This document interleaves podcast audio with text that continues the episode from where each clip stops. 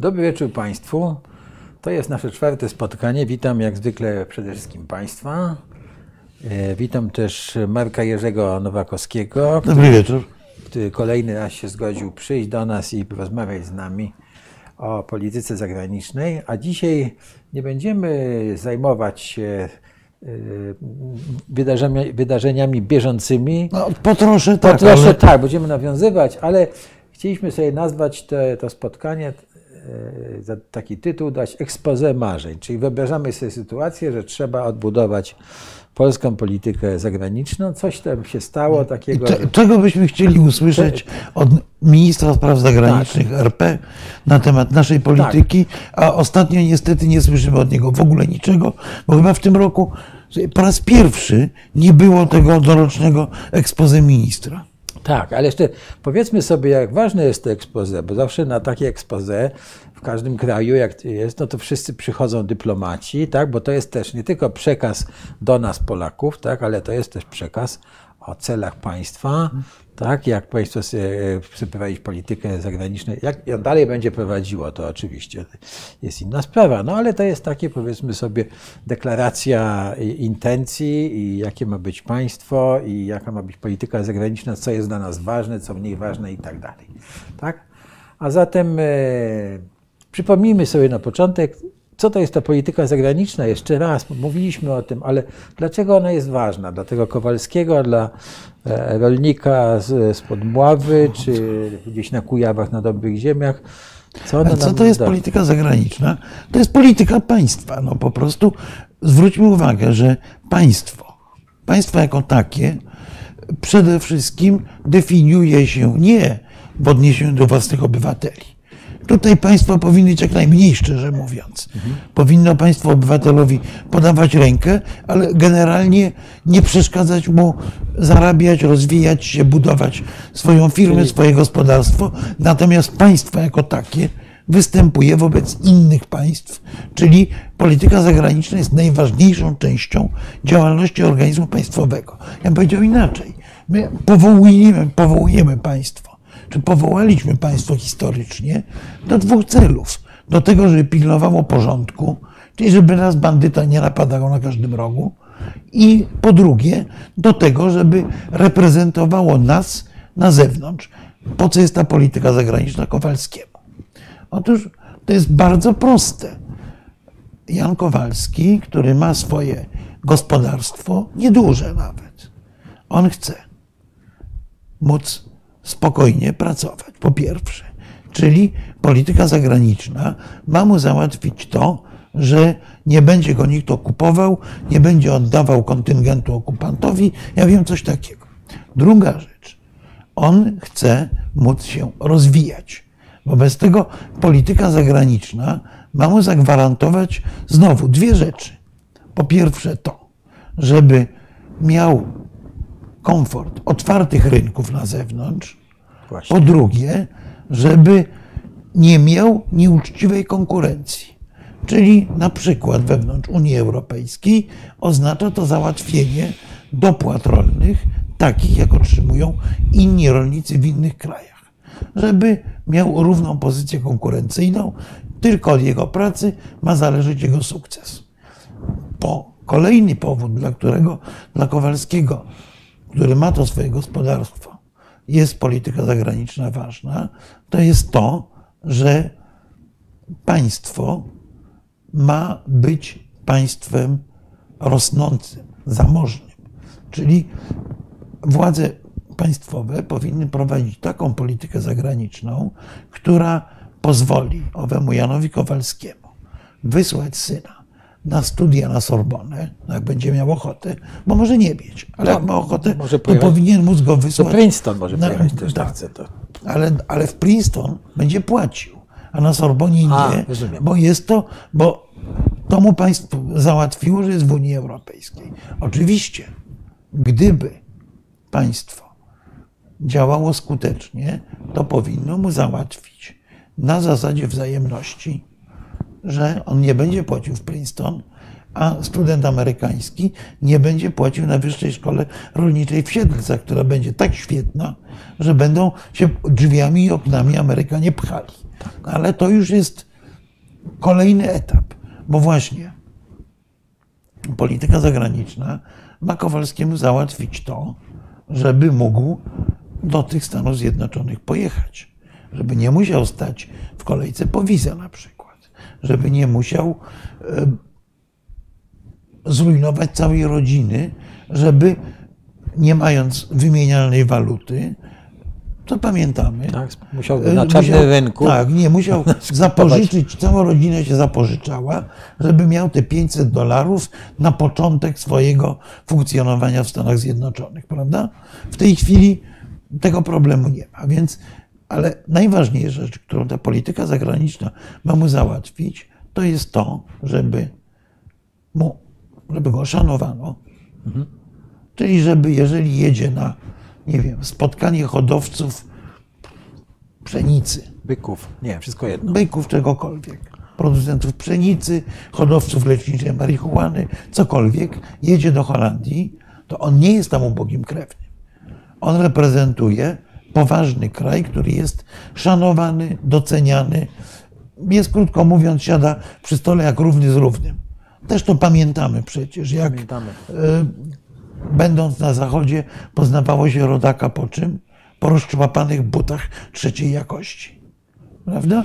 No, a wiesz, ja miałem taki e, przypadek, e, byłem w bazie amerykańskiej w Ramstein i tam widziałem, to były lata 90 E, grupkę polskich e, absolwentów e, ostatniego roku szkoły oficerskiej we Wrocławiu i to ten widok mnie troszkę przygnębił, bo to byli zastraszona, grupka zastraszonych chłopców w bardzo ładnych mundurach i tak dalej. Więc oni byli przestraszeni, w ogóle zbici w grupkę, nie umieli nic powiedzieć po angielsku. No, zgoda, ale mówię, polityka zagraniczna ma załatwić to, żeby miał ten sam punkt wyjścia. Ci studenci już mieli wtedy w Ramstein, mimo że byli, tak, byli was wystraszeni. Ale najważniejszą rzeczą, którą mamy ta polityka załatwić, to jest to, żeby on, żeby on nie musiał o niej myśleć. To tak, jest paradoks. To powinno być takie naturalne. Tak. tak. On powinien wybrać właściwych ludzi, którzy zadbają o to, żeby nie obawiał się, że go napadnie sąsiad, nie sąsiad przez miedzę, tylko sąsiad z zagranicy, żeby nie obawiał się, że w przyszłym roku wszystko straci, bo na rynku wewnętrznym nie sprzeda niczego, a polityka zagraniczna to stabilizuje wszystko. Polityka zagraniczna ma mu koniec końców załatwić jeszcze jedną rzecz, że będzie mógł z nadzieją myśleć o przyszłości. To nie jest takie nieważne, bo to znaczy, że polityka zagraniczna powinna Kowalskiemu podnosić jego horyzont marzeń. Żeby przecież ja z dzieciństwa pamiętam, jak moja ciotka przyjechała i opowiadała, jak była na wycieczce na Wyspach Kanaryjskich. I to opowiadała chyba przez trzy lata na święta. I myśmy sobie zdawali sprawę, że my tam nigdy nie pojedziemy. Że nas, a jeżeli pojedziemy, to nas nie będzie na nic stać. Polityka zagraniczna państwa załatwiła nam to, że jesteśmy w klubie tych najlepszych, najbogatszych. Oczywiście to Kowalski wypracował to, że jesteśmy krajem względnie zamożnym. Ale to, żeby nas zaproszono do klubu, a to już załatwia polityka zagraniczna. I ludzie zaangażowani w tym politykę. I ludzie w nią zaangażowani, bo każdy element polityki to są ludzie. Natomiast to, że Polska jest w OECD, czyli w organizacji najbogatszych krajów świata, że jest w Unii, że ma parasol natowski, nawet jak my narzekamy, że on jest być może dziurawy, no to Jednak wyjdź, jest. wyjdźmy sobie na deszcz czy lepszy jest lekko dziurawy parasol, czy żaden? No tak. To jest chyba prosta odpowiedź. I polityka zagraniczna jest ostatecznie czymś, co ma gospodarzowi Kowalskiemu budować jego własną dumę. Tego, że my jesteśmy przedstawicielami nie tylko silnego państwa, ale państwa, ja bym powiedział, przyzwoitego że może z dumą założyć ten szalik z napisem Polska i iść na mecz w dowolnym punkcie świata. Nawet nie dlatego, że nasza drużyna gra dobrze, bo grywa różnie, tylko może spokojnie z szalikiem Polska iść i być dumny, że reprezentuje kraj, który jest tam szanowany, poważany, że reprezentuje kraj, który nie dopuszcza się łajdactw międzynarodowych, a to nie jest takie częste, bo może Kowalski, jak już się nauczył języka oczywiście, to może również odbyć dyskusję o tym, że to myśmy mieli Solidarność, to myśmy walczyli o wolność, to my jesteśmy krajem, który, no tfu, chroni ludzi prześladowanych. Was z tym bywa niestety ostatnio różnie. Że jesteśmy krajem, którym jesteśmy krajem wolnym. On się nie musi bać. Bardzo często, nie wiem, profesor Chin, z Chin, występując na konferencji, musi ważyć cenzuruje się. Tak. Waży słowa, bo wie, że no, jeżeli powie coś nie tak, to spotka się to z karą po prostu. Karą różnego rodzaju. To obserwujemy po sąsiedzku na Białorusi. Ktoś, kto trzy zdania krytycznie powie o władzach białoruskich, ryzykuje więzienie. Więc Kowalski może być dumny, że on może mówić to, co on uważa. Nawet głupoty, co czasami się zdarza oczywiście. I od tego jest potrzebna mądra polityka zagraniczna. Po to, żeby Jan Kowalski dobrze się czuł. O, ja bym powiedział tak, po pierwsze, a po drugie, żeby Jan Kowalski e, mógł spokojnie pracować nad rozbudową swojego dobrobytu. Banalnie to brzmi, ale, no ale po to jest. Ale zbudowanie tego, tej struktury, tego kokonu, który chroni obywateli przed złym oddziaływaniem z zewnątrz, który wzmacnia obywatela, gdy on jest poza granicami. To jest też ważna rzecz. Ważne, żeby Polak, będąc w dowolnym punkcie świata, wiedział, że w każdym momencie zapuka do naszej ambasady, zapuka do naszego konsulatu i będzie zaopiekowany w taki sposób, jaki jest mu potrzebny. Tak. No, to jest strasznie tak, banalne. To jest bardzo banalne, ale, ale dlatego zapytałem o to, żeby przypomnieć, e, tak, że, to, że polityka zagraniczna jest także, że chroni przede wszystkim interesy nas, ludzi, mieszkańców, obywateli, tak, i jest po to, żebyśmy mogli się rozwijać. To jest niezwykle ważne. No, poza tym no to... no, polityka zagraniczna lat 90 początku po odzyskaniu mhm. niepodległości, to było jeszcze więcej. To było wyciąganie nas za uszy z bagna, w którym tkwiliśmy. No to dobrze, tak już jesteśmy w takim razie na początku lat 90. No, ty byłeś w tym bardzo czynny, ja w jakimś stopniu też. To sobie przypomnijmy, jak wtedy y, tworzono tą politykę zagraniczną jak, e, jakie były wtedy, ale tak e, krótko, bo przejdźmy do, dziś, jak, jak, jak, do dzisiejszych czasów, do dzisiejszego, do ekspoze dzisiejszego dnia, ale tak Ale ja, ja ci powiem, ten... że to ekspoze dzisiejszego dnia coraz bardziej mi przypomina tamte czasy, ponieważ my straciliśmy ogromnie dużo z tego kapitału zgromadzonego przez politykę zagraniczną w ciągu trzech dziesięcioleci ogromnie dużo tego kapitału zmarnotrawiliśmy w ostatnich latach i zaczynamy znajdować się w sytuacji może nie aż takiej jak wtedy. Bo zacząłem, że w latach 90. myśmy się wyciągali z bagna. Mhm. Jakiego bagna?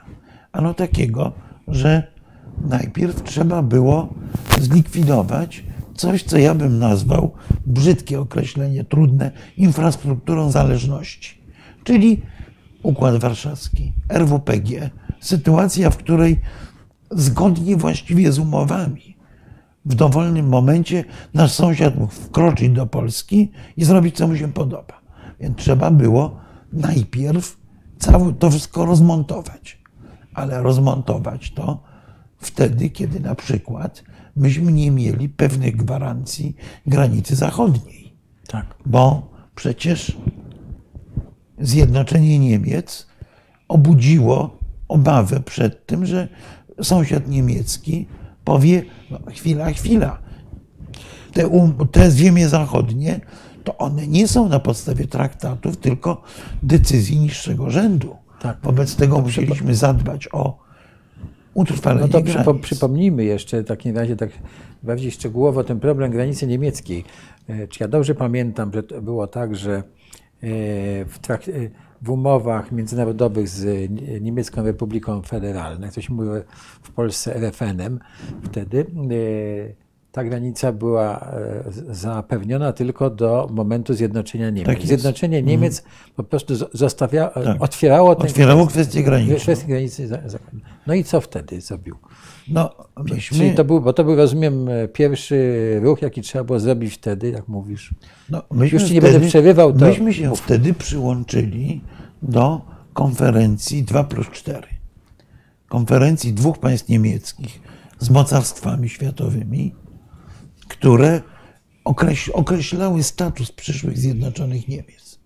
I udało nam się właśnie w tej konferencji uzyskać wstępne potwierdzenie prawomocności zachodniej granicy Polski.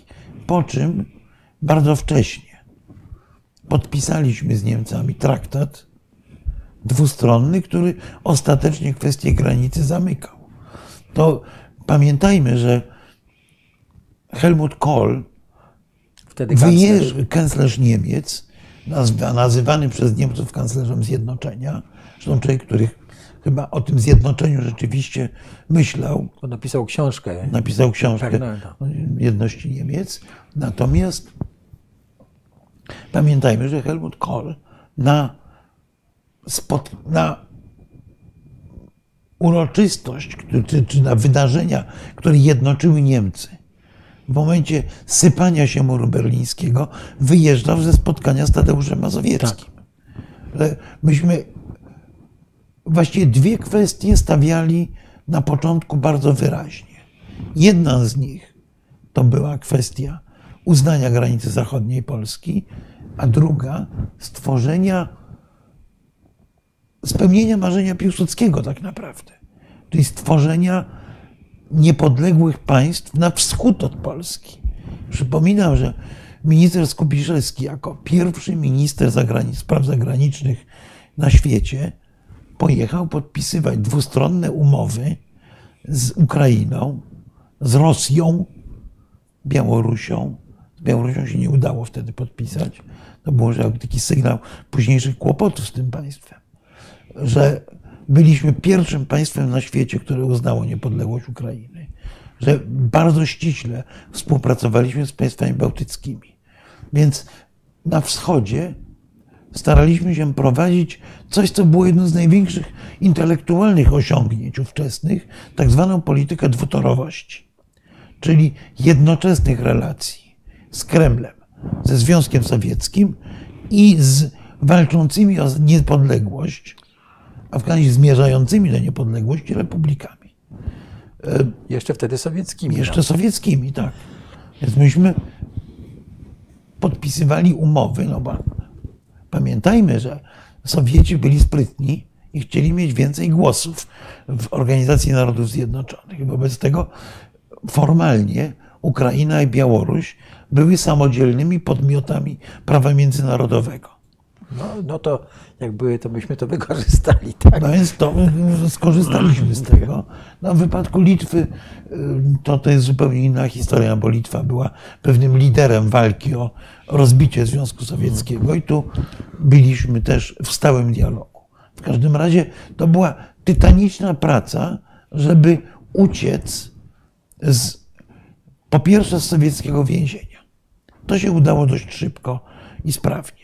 Ale drugi, druga część była już trudniejsza, bo przecież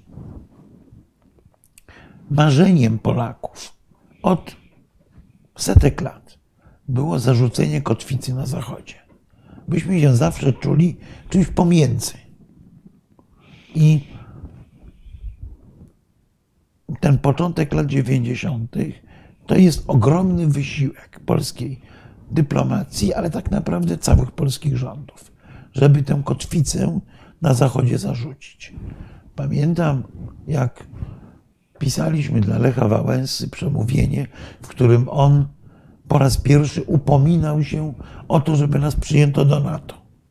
Jak roz, pisaliśmy list państw Grupy Wyszehradzkiej, zwracający się do szczytu NATO, żeby Pakt Północnoatlantycki wsparł nas w wysiłkach o usunięcia kontyngentów wojsk sowieckich, które w Polsce jeszcze były wtedy. Były, wcześniej jeszcze były resztki w Czechosłowacji, oczywiście o mnóstwo w Niemczech przejeżdżali z tych Niemiec.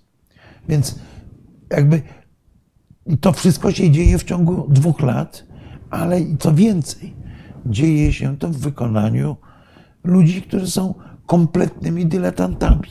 To... Nigdy, nie pracowali, tak. nigdy nie pracowali w strukturach państwa.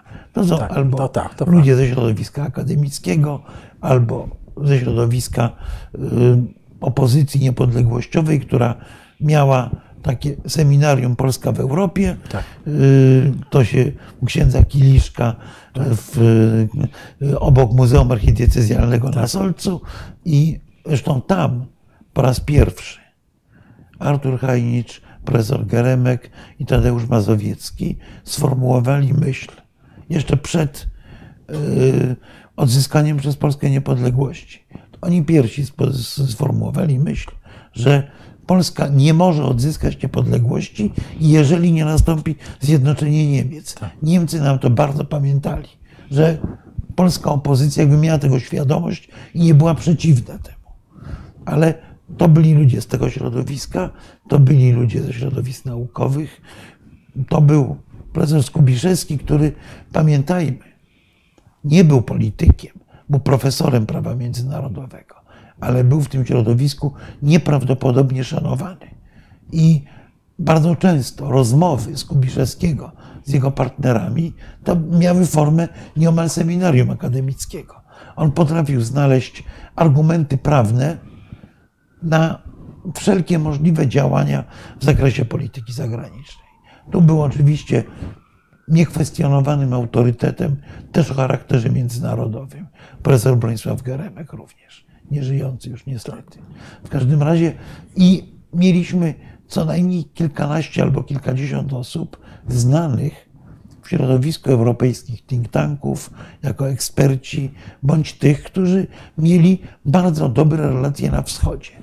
Bo nasz sukces to jest też rzecz, która wiele mówi o polityce zagranicznej.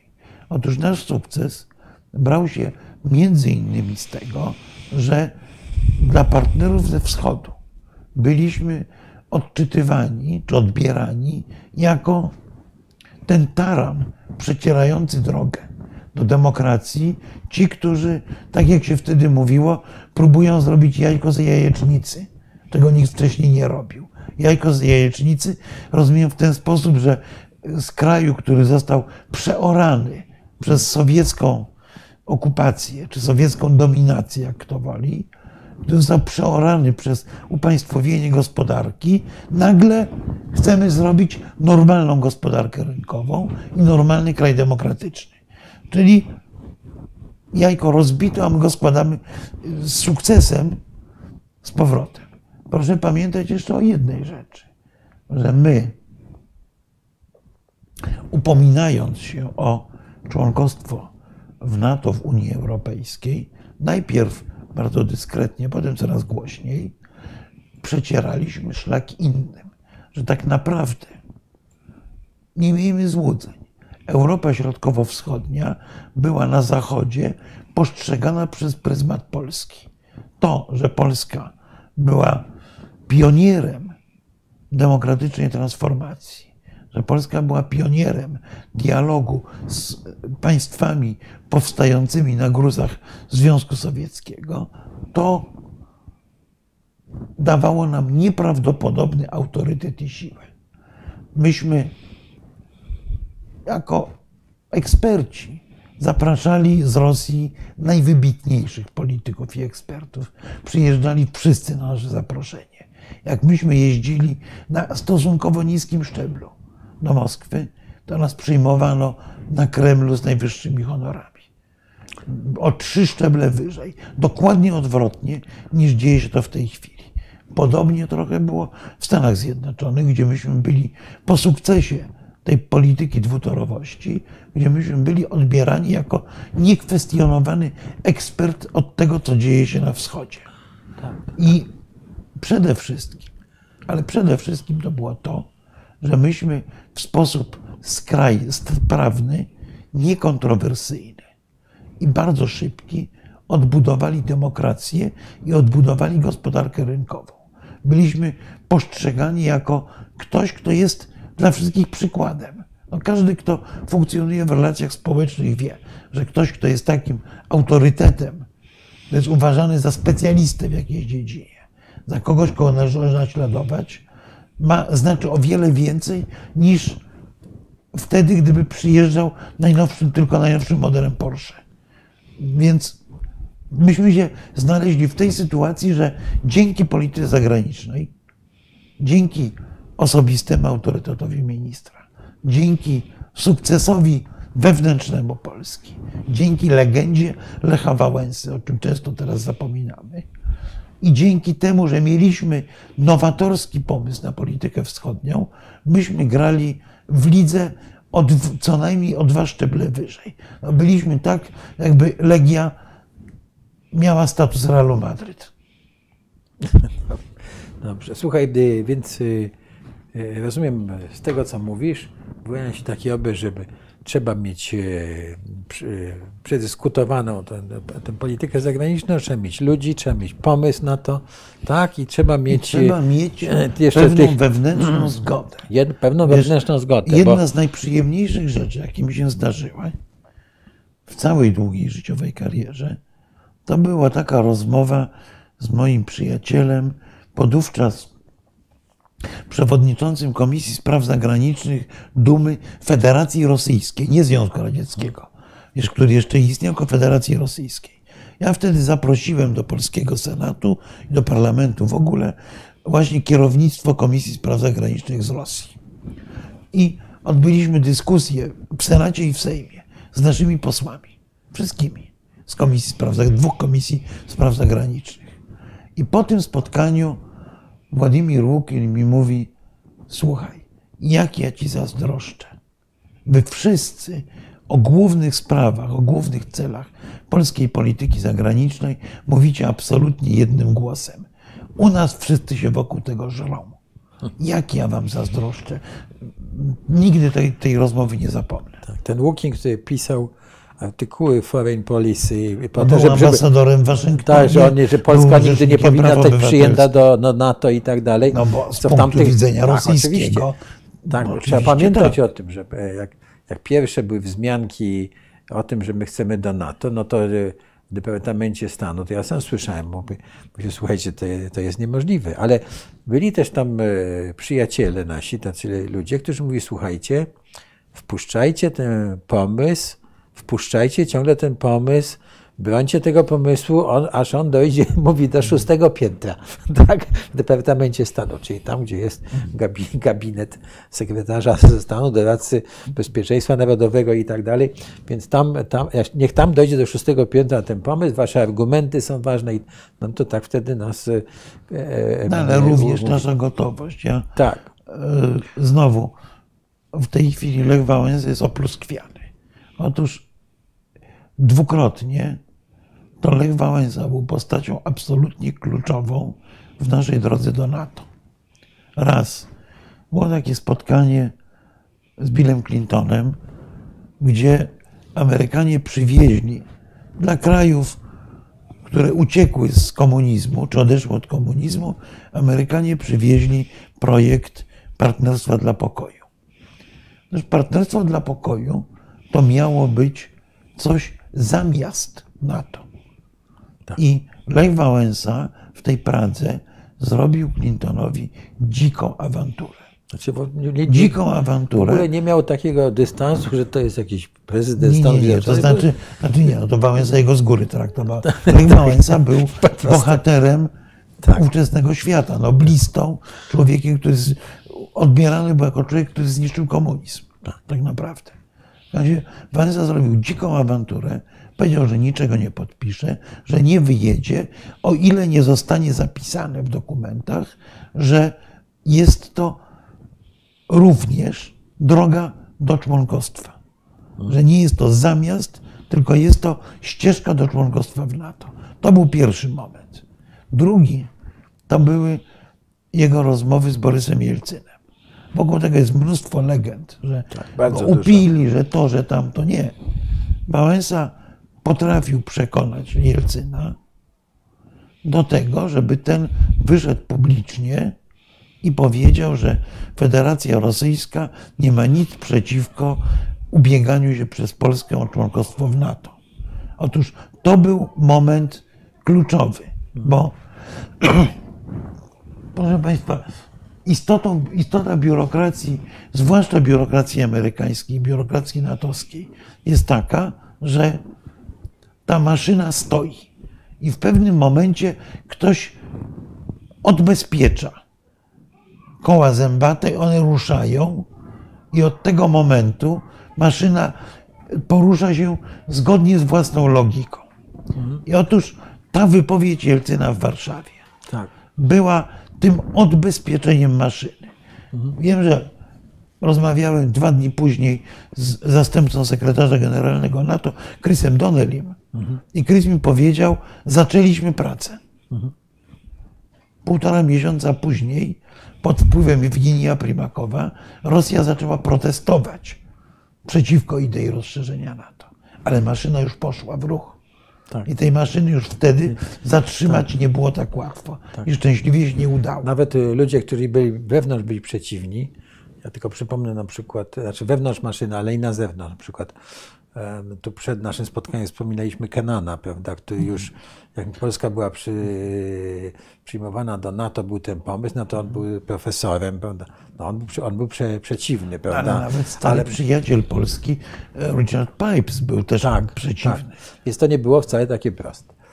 Z tym. e, no Ja tylko przypomnę jeszcze, że e, Stowarzyszenie Euroatlantyckie opracowało wtedy raport, który został wysłany do Senatu, do senatorów. e, Wszyscy ten raport otrzymali o kosztach rozszerzenia NATO. Tak. Tak. gdzie myśmy w tym raporcie wtedy stowarzyszenie pisało, że te koszty nie są wcale tak duże, jak Myśmy to wręcz udowadnili Amerykanom, że na tym zarobią. że tak, ale, ale że i tak polska armia się będzie dostosowywała do NATO, więc te akurat koszty tych wszystkich wlewów do paliwa, żeby były kompatybilne, to i tak mi my poniesiemy i tak. No i ten raport naprawdę był e, tym. Ja mówię o tym, żeby przypomnieć, jak ważna może być rola think tanków e, w, w pewnych Nie, sytuacjach no, ale w ogóle no, to, była, to była polityka zagraniczna prowadzona i to jest może pewna tajemnica dobrej polityki zagranicznej. Polityki zagranicznej nie prowadzi minister, nie prowadzi rząd. Politykę zagraniczną prowadzi państwo. Tak. Państwo, które ma bardzo wiele narzędzi i odnóg. Tak. Przecież jednym z narzędzi polityki zagranicznej jest rzeczony Jan Kowalski, który jedzie na wczasy. Tak, ty musi I on jest oglądany przez swoich partnerów, jest słuchany, co on mówi. Jeżeli występuje z jakimiś, nie wiem, powiedzmy, antysemickimi wyskokami, to przez jego pryzmat są oglądani Polacy. I odwrotnie. Tak. Więc istnieje coś takiego jak dyplomacja publiczna. Skądinąd profesor Skubiszewski tego pojęcia bardzo nie lubił. Nie lubił, tak, ale, on był- ale sam je uprawiał Tak, ale on był, On był kwintesencją Ale w przecież. momencie, gdy stał się ministrem, to uważał, że to jest jego prerogatywa. Ale, Ale, Ale ale, dyplomacja do- publiczna w wykonaniu Skubiszewskiego polegała na tym, że jak on się gdziekolwiek pojawiał, tak, to każdy uniwersytet chciał mieć wykład profesora Skubiszewskiego, tak? E, O, o sprawach międzynarodowych, o Polsce po prostu, bo on mówił ze swadą ciekawie e, i, i odkrywał w ogóle nowe obszary dla tych naukowców. Tam ale tak to dalej. była cała plejada takich Tak. ludzi. była cała plejada takich ludzi. Ale właśnie wynikało to z tego, że wszyscy byli w tę politykę pozytywnie zaangażowani. Że nie było sporu co do zasadniczych kierunków. Wszyscy się zgadzali, że chcemy być na Zachodzie, że chcemy być w NATO. Bądźmy szczerzy, u nas też bardzo wielu polityków się tego obawiało. Obawiało się. Obawiało się, że wejście do NATO może spowodować tak głęboki konflikt z Rosją, że my się z tego nie wygrzebiemy. Politycy KPN na przykład byli nawet e, przeciwni i, tak e, na Nie tylko- różnych Nie forach tylko jawnie. KPN, obawiało jawnie- się tego bardzo wielu ludzi. Obawiało się tego wielu generałów, którzy na przykład nie chcieli się uczyć angielskiego, okej, ale być może nie warto, żeśmy zanudzali naszych słuchaczy i widzów historią, tylko żebyśmy powiedzieli, dlaczego o tym mówimy. Otóż mówimy o tym dlatego, że była to polityka zagraniczna tworzona praktycznie z niczego. I otóż, proszę Państwa, ja się obawiam, że za chwilę znajdziemy się w bardzo podobnej sytuacji. W sytuacji tworzenia polityki zagranicznej na zgliszczach, bo znowu bardzo przyjemna chwila. Ja byłem przez pięć lat ambasadorem Polski na Łotwie. I to był ten czas, kiedy Łotwa wychodziła z najgłębszego kryzysu ekonomicznego, a Polska była tym krajem, który przez kryzys przeszedł suchą nogą. Polska była tym liderem, który ciągnął te wszystkie kraje za sobą. Mówimy o kryzysie 2008 2008 roku. I ja wszędzie słyszałem o tym, jak ważna jest Polska, jak dobra jest Polska, jak potrzebny jest polski przykład. W tej chwili, jak spotykam się z przyjaciółmi z krajów bałtyckich, ale również z Ukrainy, ale również z Kaukazu, to ja słyszę jedno pytanie. Co się z wami stało? Co się z Polską stało? Dlaczego wy pogrążyliście się w jakiejś niebywałej, niebywałym konflikcie domowym? Dlaczego nikt was nie słucha? Jesteśmy przecież w Unii Europejskiej czarną owcą. A naszą siłą było No to- to, że myśmy mieli naprawdę mocny głos w Europie. I przede wszystkim, że kto z Polski przyjeżdża, to mówi co innego. Mówią mi ci znajomi. Ja nie wiem, powiada nam partner z zagranicy, czy wy chcecie wyjścia z Unii, czy wy chcecie zostać w, Unii, czy wy chcecie Unii wzmocnionej, czy chcecie Unii osłabionej, czy chcecie słabego NATO, czy mocnego NATO, czy Chińczycy są przeciwnikiem, czy Chińczycy są sojusznikiem. Przecież to jest kakofonia ze strony Polski. Kakofonia nieuzgadniana, wydaje się, przez nikogo. nawet wewnątrz e, I ekipy rządzącej jest nieuzgadniane. oczywiście, że tak. To, to nie jest tak, że opozycja rządzi. Nie. Każdy, kto przyjeżdża, gada co innego. A generalnie gada, co mu ślina na język przyniosła, ponieważ nie mamy, nie, ponieważ nie mamy w Polsce rozmowy o polityce zagranicznej. Polityka zagraniczna traktowana jest jako coś kompletnie drugorzędnego, tylko z polityką zagraniczną jest tak jak z polityką w ogóle. To znaczy ten Jan Kowalski, który hoduje te mm, krowy czy pszenicę, mówię, ty, polityka zagraniczna, nie wyłącza telewizor, jak o tym gadają. Tylko to jest tak jak w znanym powiedzonku, że jak się ty się nie interesujesz polityką, on się polityka tobą zainteresuje. przejdzie do ciebie. Otóż nie interesujesz się polityką zagraniczną, to ona się może zainteresować tobą. I tutaj jest problem. Bo oczywiście nie oczekujmy, że wszyscy będą specjalistami od dyplomacji. Więcej. Dyplomacja bardzo często wymaga dyskrecji, milczenia, nawet tajemnicy.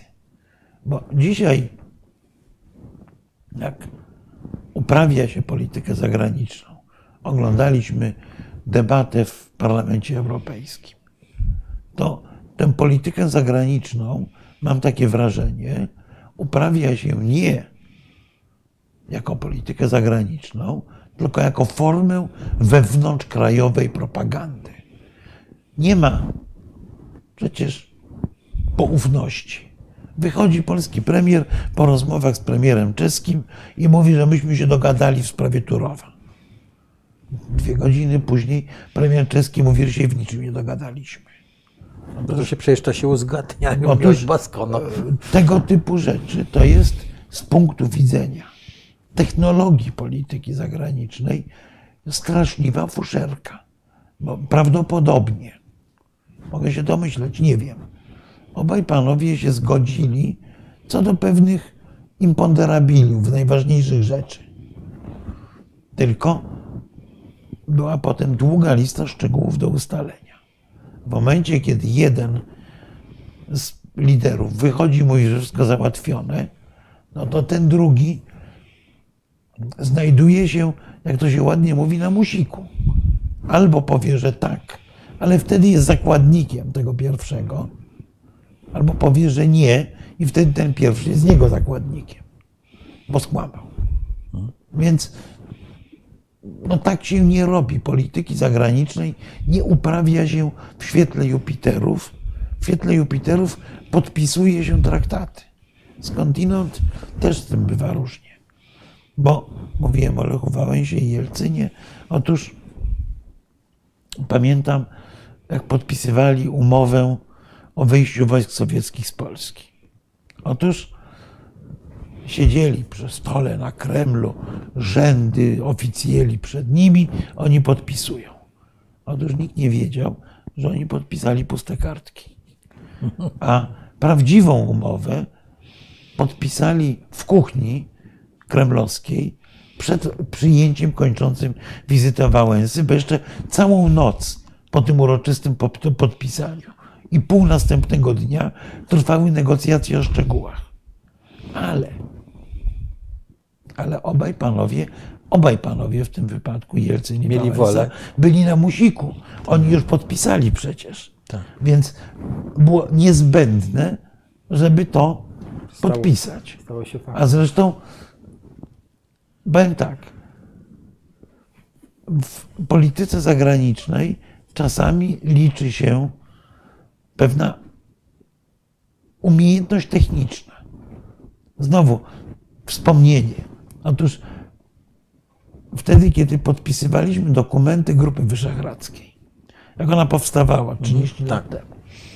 Otóż generalnie większość rzeczy była uzgodniona ale Węgrom zależało na tym, żeby Grupa Wyszehradzka była zdecydowanie bardziej, objawiła swoje zainteresowanie obszarem Bałkanów Zachodnich. Nam niekoniecznie, jasne. Czechosłowacji wtedy jeszcze też niekoniecznie. I siedzi Skubiszewski, siedzi Dinsbir, siedzi ówczesny minister spraw zagranicznych Węgier Jeszenski. Za godzinę przylatują prezydenci i mamy uroczyście podpisywać papiery. Więc Jeszenski mówi, że no, z trudem, ale ja się na to zgodzę, ale pozwolą panowie, że kilka poprawek redakcyjnych. O tu w trzecim wierszu trzeba wstawić przecinek. Tutaj zamiast słowa albo można dać słowo może, lepiej zabrzmi. I tak przez 10 minut odczytywał tego typu poprawki. Już, wszyscy już byli zmęczeni, wszyscy chcieli więcej, musieli iść do prezydentów z gotowym dokumentem. No wszyscy lecieli, te poprawki wnosili. Po końcowej lekturze dokumentu okazało się, że im się udało w ten sposób włożyć te Bałkany Zachodnie. To jest, no, to jest dowód na techno, mistrzowską technologię dyplomatyczną z kolei. Tak. E, wspomnieliśmy tutaj o Grupie Wyszehradzkiej i wspomnieliśmy, ale nie wspomnieliśmy, ale coś, co było uważam też sukcesem, Trójkąt Weimarski. Taka A, instytucja. To był dużo większy sukces. Tak, bo to był sukces, gdzie były Trójkąt Weimarski, Polska, Francja i Niemcy. To był nasz mechanizm do docierania do dwóch największych krajów znaczy, w Unii. Nie tyle mechanizm, to był to był pomysł, który w różny, w różny sposób potem się pojawiał. Bo oczywiście w instytucjach europejskich, w instytucjach natowskich są wszyscy równi. Ale nie bądźmy hipokrytami. Niektórzy są równiejsi. I myśmy poprzez mechanizm trójkąta weimarskiego chcieli znaleźć się w tej grupie równiejszych. Oczywiście. E, czyli znaleźć się w czymś, co profesor Geremek pięknie określił mianem kręgosłupa Europy. Myśmy pamiętajmy, jak powstawał Trójkąt Weimarski, myśmy jeszcze nie byli w Unii Europejskiej, myśmy nawet jeszcze w NATO nie byli. Ale już jakby obie te ścieżki były wyraźnie otwarte i nie było pytania czy. Czy Grupa Wyszehradzka? I NATO. I NATO. Nie było właściwie pytania czy, tylko kiedy się znajdziemy w tych dwóch organizacjach, których członkostwo było naszym strategicznym celem przez całe lata 90. I otóż Trójkąt Weimarski był próbą podłączenia się do grupy trzymającej władzę. O, powiedzmy tak. Potem Trójkąt Weimarski miał być czynnikiem, który z jednej strony równoważy rosnącą potęgę Niemiec, bo Zjednoczone Niemcy zaczęły gwałtownie rosnąć i rzeczywiście w pewnym momencie ta Europa zaczynała być już dla nie trochę za ciasna. Więc należało wrócić do starego przedwojennego paradygmatu polityki, żeby nie rozmawiać z Niemcami samodzielnie, tylko rozmawiać na spółkę z Francją, gdzie tę siłę Niemiec jesteśmy w stanie z mandatkiem jeszcze zbalansować. Po pierwsze, a po drugie, to było coś, co nas niesłychanie dowartościowywało. Regularne spotkania. Polska jest równorzędnym partnerem tych kluczowych mocarstw. Mówiło się, że Europa, że osią Europy jest sojusz francusko-niemiecki. Od czasu właściwie powstania wspólnoty węgla i stali. Czyli od początku lat 50. właśnie Niemcy i Francja były tą lokomotywą europejskiej integracji. Wobec tego dołączenie się przez Polskę do tego klubu oznaczało, że my znowu boksujemy się o dwie wagi wyżej, niż by wskazywała nasza realna, realny status. Bardzo ważna inicjatywa. Inicjatywa, która w pewnym momencie właściwie nie wiem dlaczego została porzucona. To znaczy, ja tylko Ci przypomnę, i nie wiem, czy mam rację, że e, jakieś no, kilka dni, e, ale nie, nie więcej niż ty, tydzień temu, dwaj ministrowie Francji i Niemiec, tak, spraw zagranicznych, wydali wystąpili wspólnie i, i, powiedzieli, prawda, że z, tym, z tą Polską to coś jest nie tak. I ja to uznałem, nie wiem czy słusznie, że to jest właściwie taki realny koniec trójkąta weimarskiego. E, w, no, w, w, w, każdym razie jest to zamrożenie trójkąta tak. weimarskiego. No. Naprawdę, że tam od pewnego czasu te spotkania się właściwie nie odbywają. Odbywały, bo po prostu my przestaliśmy być e, no, partnerem no, bo, Nie, bo w polityce obowiązuje prosta zasada coś za coś. Czyli jeżeli nas zapraszają do klubu, to przynajmniej, nie wiem, przynosimy flaszkę wódki do tego klubu. Coś musimy mieć do zaoferowania, już mówiąc serio. I byśmy mieli do zaoferowania najpierw specjalne relacje ze Wschodem, potem pewien model, udatny model integracji. Myśmy byli rzeczywiście pewnym, w pewnym sensie prymusem integracji natowskiej i europejskiej. Prawda? Nas nastawiano cały czas za wzór. No ktoś powie, a polityka profesora na kolanach. Sam często, sam często tak mówiłem, ale nie do końca. Bo dzięki temu myśmy wzmacniali swoją pozycję.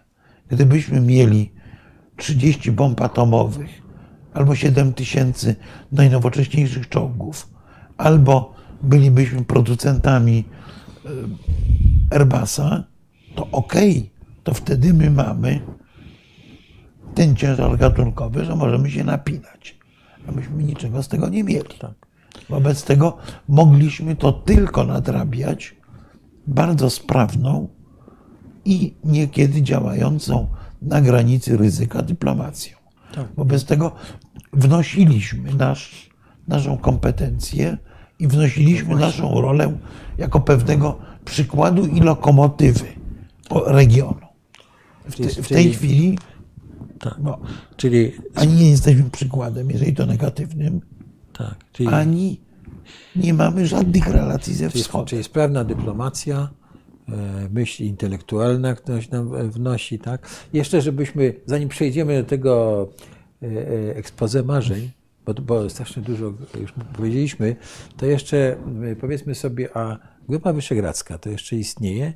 Bo tak mi się wydaje, że wiesz, że jak już te wy- wybory w Czechach e, e, zmieniły tam władzę, to właściwie też ona przestała istnieć, nie? Są dwa rodzaje pisanek.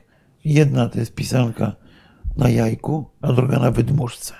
No więc myślę, że o ile Grupa Wyszehradzka była przez długi czas pisanką na jajku, potem trochę zamieniła się w wydmuszkę, potem znowu odżyła, w tej chwili jest absolutnie pełną wydmuszką. Nie ma. Grupa Wyszehradzka Znaczy, Mów, opowiadałem o tym, jak powstawała. Otóż Grupa Wyszehradzka powstała jako stowarzyszenie wspólnoty interesów w ucieczce z y, obozu pokoju i socjalizmu. Potem zrewitalizowała się jako klub wspólnych interesów i nacisków wewnątrz Unii Europejskiej. A w tej chwili pamiętajmy, że interesy Polski i Węgier są kompletnie rozbieżne. Węgry są krajem nastawionym na politykę rewizjonizmu, jakby to nie brzmiało. Cały czas Węgry mówią o krzywdzie Trianon. Węgry cały czas nie byłyby zmartwione, gdyby nastąpiła w naszym regionie rewizja granic. Węgry nie chcą zbyt daleko idącej stabilizacji Europy Środkowej, Bałkanów Zachodnich, Bo to oznacza pogłębienie, znaczy e, umocnienie bo to, ich tak straty. powiem, zamyka Węgry w tych Tak. strasznych granicach z układu z Trianą, który jest wciąż jeszcze układu Trianą, który był częścią ładu wersalskiego i który rzeczywiście Węgrom odbierał sporą część ich historycznych terytoriów. E, I najlepszy przykład rewizjonizmu węgierskiego. Otóż Węgry niedawno podpisały umowę gazową z Rosją i będą ten gaz otrzymywać drogą okrężną przez rurociąg czarnomorski, czyli południowy potok tak zwany, z, od strony Bułgarii i Rumunii, a nie tak jak do tej pory przez Ukrainę. Czyli krótko mówiąc, Węgry całkowicie wpisały się w politykę energetyczną Władimira Putina, który chce okrążyć kraje Europy Wschodniej i Środkowej, między innymi poprzez odebranie im narzędzi związanych z tranzytem gazu. My krzyczymy głośno o, o tym, że Nord Stream 2 odbiera, uderza w interesy Ukrainy i Polski. Otóż nasz najbliższy sojusznik, najbliższy sojusznik rządu obecnego, czyli rząd węgierski, robi to nie na razie na poziomie teoretycznym. Robi to faktycznie. Wycofuje swój gaz z gazociągów ukraińskich. Czyli krótko mówiąc, nie pozwala Ukrainie zarabiać i nie pozwala Ukrainie być łącznikiem między Rosją a Zachodem. Czyli obniżaje w zasadzie pozycję Nie e, no. bezpieczeństwa. No Znaczy to, nie no, uderza, bo nasz rząd ogłasza, że Niemcy są źli, bo zbudowali z Rosjanami Nord Stream. Są źli. Tylko, że Niemcy w umowie z Rosjanami zawarli specjalny punkt, który mówi, że Nord Stream 2 nie może prowadzić do skrzywdzenia, no, jest to inaczej napisane, No, oczywiście, ale- Ukrainy.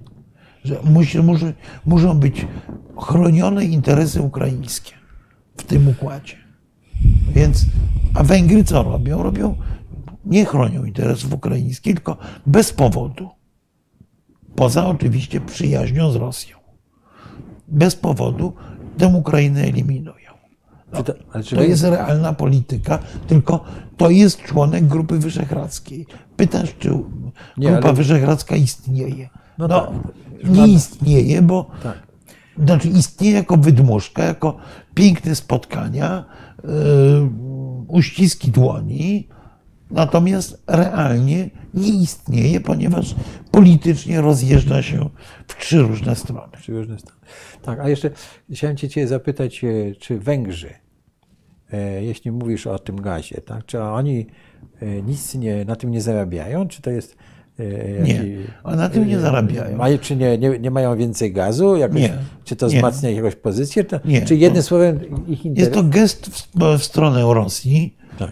ponieważ z Rosjanami mają ileś wspólnych interesów, a poza tym zabrzmi to niesłychanie ryzykownie.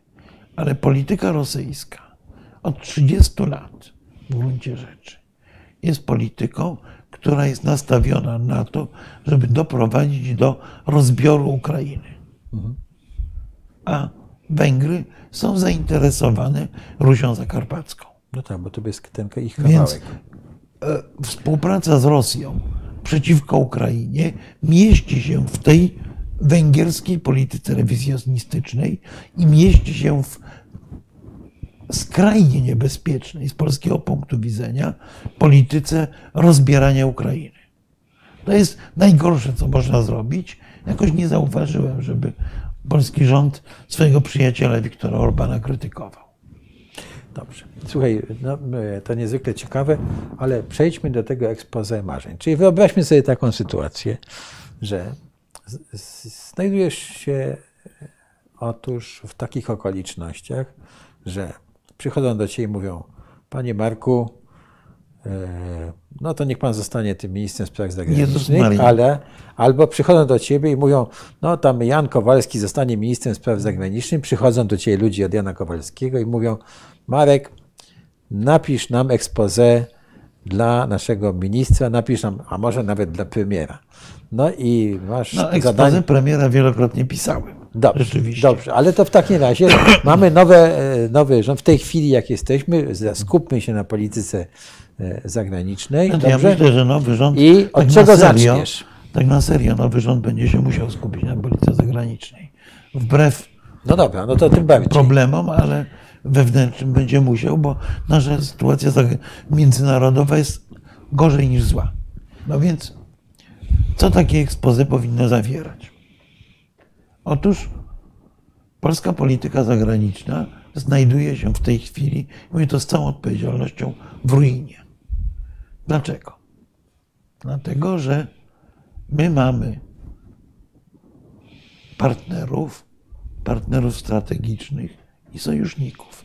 Tylko o sojusznikach mówimy jako o wrogach i sojusze, w których jesteśmy, staramy się podważyć w sytuacji, kiedy zmienia się światowa architektura.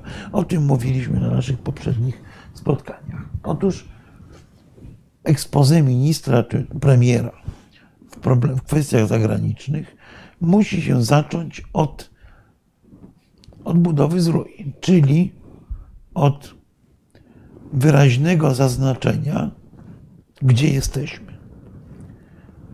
od wyraźnego zaznaczenia, że jesteśmy lojalnym członkiem Unii Europejskiej i że jesteśmy w pełni zaangażowani w strategię NATO. Co to oznacza? To oznacza, że musimy powiedzieć, że pogłębienie europejskiej integracji jest w naszym interesie. Nie tylko utrzymanie, pogłębienie.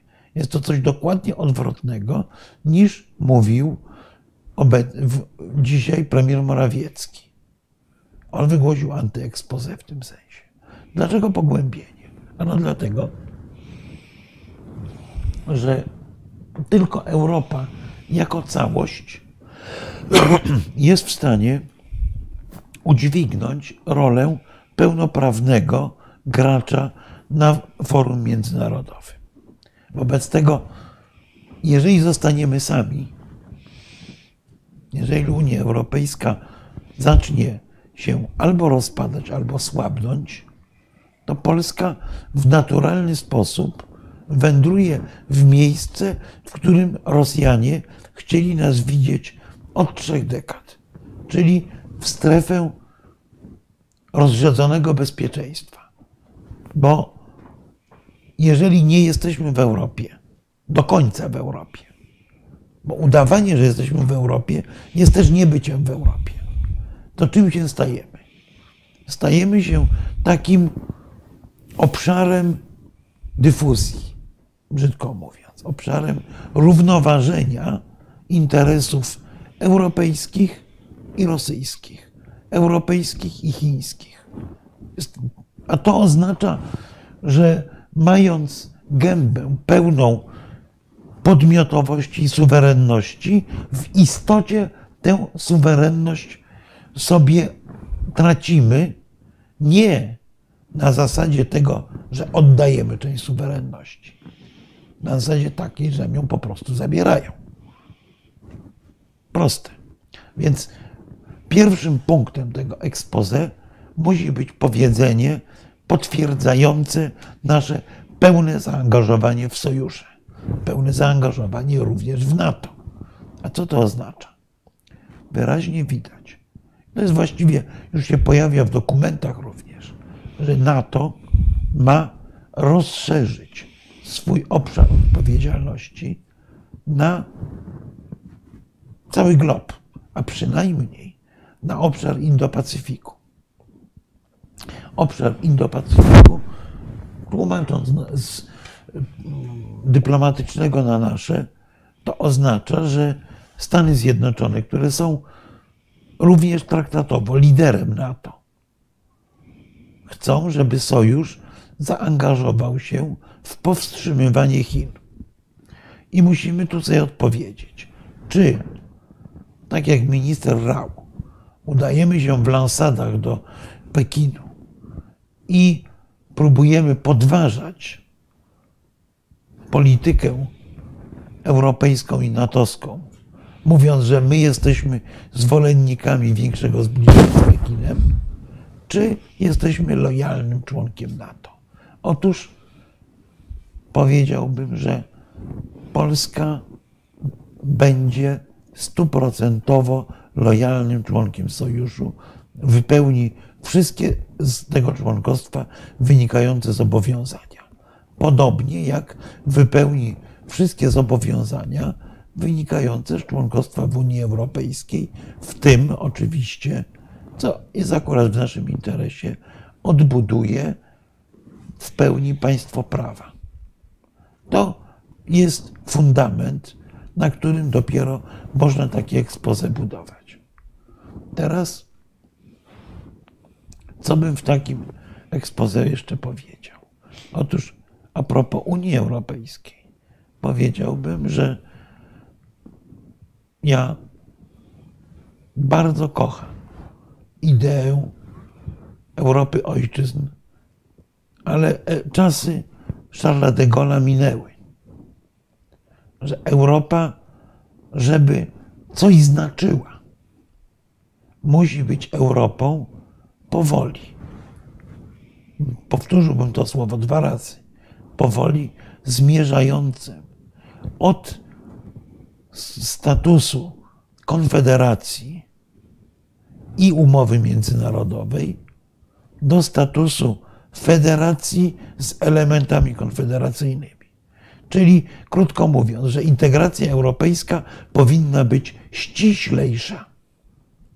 Bo jeżeli chcemy uniknąć zdominowania Europy przez jedno państwo, a obawiam się, że jest jasne, o którym jest mowa, to musimy wzmocnić, jakby to paradoksalnie nie brzmiało, Brukselę. Musimy wzmocnić europejską biurokrację. Bo jeżeli nie chcemy, żeby Europa była niemiecka, tylko żeby Niemcy były europejskie, to powinniśmy inwestować właśnie w Brukselę, w Komisję Europejską, bo ona jest powołana do tego, żeby jakoś te interesy równoważyć. Przecież nie powiem w tym ekspoze, że Polska jest mocarstwem, bo mnie zabiją śmiechem. Mogę powiedzieć w tym ekspoze, że Polska zabiega, to jest trzeci punkt, że Polska zabiega o to, aby być w tym stałym komitecie pięciu, który programuje działalność Unii Europejskiej. Co to jest komitet pięciu? Jak niektórzy mówią, grupa piątka. To, jest, to są Niemcy, Francja, Włochy, Hiszpania. Kiedyś była to Wielka Brytania. Ten fotel się zwolnił. I Polska jest naturalnym kandydatem do tej grubej piątki. Ale żeby się znaleźć w tej grubej piątce, musi spełnić dwa warunki. Pierwszy jest dość oczywisty. Przyjąć reguły gry. My te reguły gry wciąż kwestionujemy. Nie reguły gry, jak niektórzy niemądrzy ludzie. O, zaraz odpowiem. Jak niektórzy niemądrzy ludzie mówią, że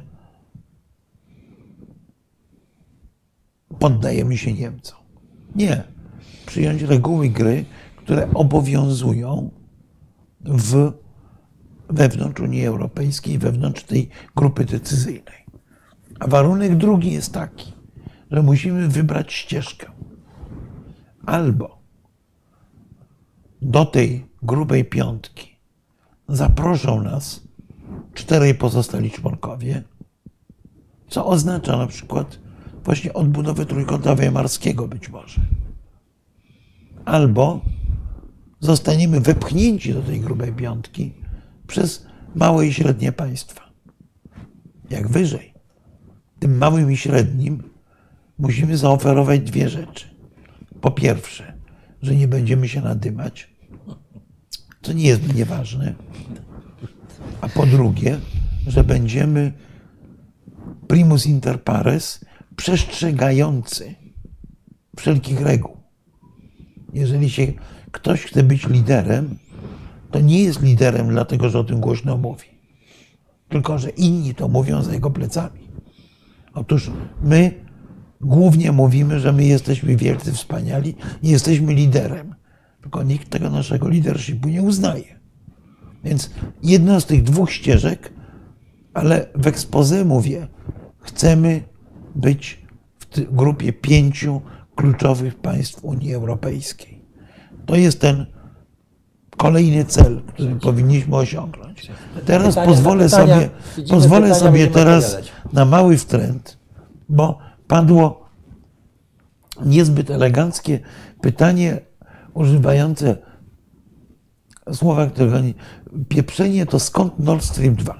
Otóż, szanowny panie, Nord Stream 2 jest właśnie stąd. Dokładnie stąd, że my nie potrafimy grać w, zgodnie z regułami. I Nord Stream 1 zresztą jest dokładnie z tego samego powodu. Bo jeżeli my stajemy i zaczynamy głośno tupać, że nam się nie podoba Nord Stream 2 i macie go nie budować, to kraje o statusie silniejszym od nas, jak Niemcy i Rosja, co te Polaczki skaczą. Pracujemy. I jednocześnie te kraje idą i prowadzą, przede wszystkim Niemcy, prowadzą dialog z innymi partnerami europejskimi. I mówią, że no, ten Nord Stream 2 może nie jest idealny, może zaszkodzi Ukrainie. Ale my o Ukrainę zadbamy. My o biedną Polskę zadbamy, żeby ona nie straciła na tym Nord Streamie. Natomiast zbudujmy go, bo będzie nam potrzeba więcej gazu. Duńczycy, Szwedzi, Bałtowie nie chcą tego rurociągu. Tylko my z nimi nie rozmawiamy. My nie montujemy grupy nieprzyjaciół Nord Streamu. My albo tupiemy, albo ogon podkulamy, idziemy do wuja sama i prosimy, drogi wuju samie, powiedz, żeby nie budowali tego Nord Streamu. To jest suwerenność. Stąd Nord Stream 2, że nie potrafiliśmy go zablokować. Koniec, kropka. A nie, nie potrafiliśmy, ponieważ wykonaliśmy dwukrotnie skrajne partactwo dyplomatyczno-państwowe. Otóż wtedy, kiedy pojawiła się idea, kiedy się pojawiła idea Nord Streamu? Otóż Nord Stream pojawił się jako odpowiedź na polską koncepcję zbudowania gazociągu z Norwegii. Wtedy Rosjanie przyszli i powiedzieli: mm, Chcecie budować, akurat w tym uczestniczyłem, chcecie budować gazociąg z Norwegii. To wzmocnijmy również ten gazociąg jamalski, który jest zbudowany przez Polskę, żeby można było przesyłać więcej gazu i zbudujmy łącznik łączący gazociąg jamalski z systemem gazociągów, które idą przez Słowację. Myśmy wtedy powiedzieli, że nie, nie będziemy tutaj żadnych ruskich inicjatyw budować. My sobie weźmiemy gaz z Norwegii. No to gaz, gazociąg z Norwegii został niestety przez rząd Leszka Millera na wiele lat zawalony. Pomysł był taki, że Norwegowie budują gazociąg i w 2007 roku, o ile pamiętam, czy 2004, rura wychodzi pod Niechorzem z morza. To było dogadane z ówczesnym premierem Jensem Stoltenbergiem, w tej chwili sekretarzem generalnym NATO. Otóż po polskiej stronie była jedna, jedyna rzecz. Rozdystrybuować minimum 7 miliardów metrów sześciennych. Norwegowie powiedzieli, dostarczamy co najmniej tyle gazu, a wy z nim robicie co chcecie. Możecie zacząć tutaj mieć Morze Karaibskie pod Niechorze, podgrzewać tym gazem wodę. Chcecie, możecie. Nieważne. Bierzecie ten gaz, płacicie, a reszta nas nie obchodzi. Do tego momentu my za wszystko płacimy, wszystko budujemy. Idealny układ. Tylko myśmy musieli o to zadbać. I Leszek Miller jako premier ten, tę koncepcję ostatecznie zawalił, a bądźmy szczerzy, kilka innych osób ją wcześniej rozwadniało. Dobra. Nie ma tego gazociągu, ale w momencie, kiedy myśmy negocjowali tę kwestię, Rosjanie poszli do Niemców i powiedzieli, no to my sobie zbudujemy tu przez morze gazociąg, również skoro budujemy podmorskie gazociągi, jedziemy. No i to się pojawiło. Rząd socjalistyczny Schroedera chciał w to wejść. A potem, jak socjaldemokraci przegrali wybory, to Angela Merkel na samym początku swojego, swoich rządów bardzo chciała się tej żaby pozbyć, tego gazociągu. Nie chciała tego Nord Streamu. Tylko po stronie polskiej, a wtedy mamy już rządy Lecha Kaczyńskiego, Jarosława Kaczyńskiego, po stronie polskiej nastąpiło jedno z licznych nadęć czy napięć. Nie będziemy tłumaczyli obywatelom Niemiec, bo chodziło o PR polityczny, o dotarcie do Niemców. Nie będziemy tłumaczyli obywatelom Niemiec, że ten gaz będzie droższy, że mamy lepsze oferty dla nich. Nie, politycznie to się nie, nie spinam, politycznie się na to nie zgodzimy. Więc okazało się, że politycznie się nie zgadzać to trochę za mało. Polityka wymaga dużo subtelniejszych instrumentów niż bicie pięścią w stół. I powstał Nord Stream 1, a Nord Stream 2 jest tego logiczną konsekwencją. Znowu osłabliśmy. Polska się osłabiła wewnątrz Europy. A okazało się, że polityka amerykańska sprzeciwu wobec tego Nord Streamu jest polityką, która z punktu widzenia amerykańskich interesów przestała się opłacać. O ile Donald Trump prowadził politykę personalną, on nie lubił Niemców i Angeli Merkel i chciał im zrobić na złość. Natomiast nowa ekipa Bidena słusznie stwierdziła, że ona chce odbudować relacje z Europą, co jest w naszym polskim interesie. A jeżeli odbudować relacje z Europą, to przede wszystkim z Niemcami. Nie da się w obecnej sytuacji, szczególnie po Brexicie, budować relacji amerykańsko-europejskich bez Niemców. Więc jako gest wobec Niemców Amerykanie się na ten Nord Stream zgodzili. A my, jako potężne, suwerenne państwo, w tym momencie już nie mieliśmy nic do gadania, bo myśmy się uwiesili u trampowskiej klampki i innej nie mieliśmy. To jest czwarty element tego expose. Nie może być polityki wiszenia u jednej pańskiej klamki pod hasłem suwerenności. Polska musi prowadzić politykę zbalansowaną, ale w gronie sojuszników. W gronie sojuszniczym. Tu jest nasze naturalne środowisko, tu musimy budować naszą pozycję. Nasza pozycja może być lewarowana, jak to się ładnie mówi w języku biznesowym, poprzez naszą rolę na wschodzie. Ale proszę pamiętać, że w ekspoze wymienia się w pewnej kolejności różne państwa i sojusze. Otóż w moim ekspo, tym idealnym ekspoze, który bym pisał na tych zgliszczach, bardzo długo bym mówił o Europie, długo bym mówił o solidarności natowskiej, o tym, że NATO jest globalnym gwarantem bezpieczeństwa.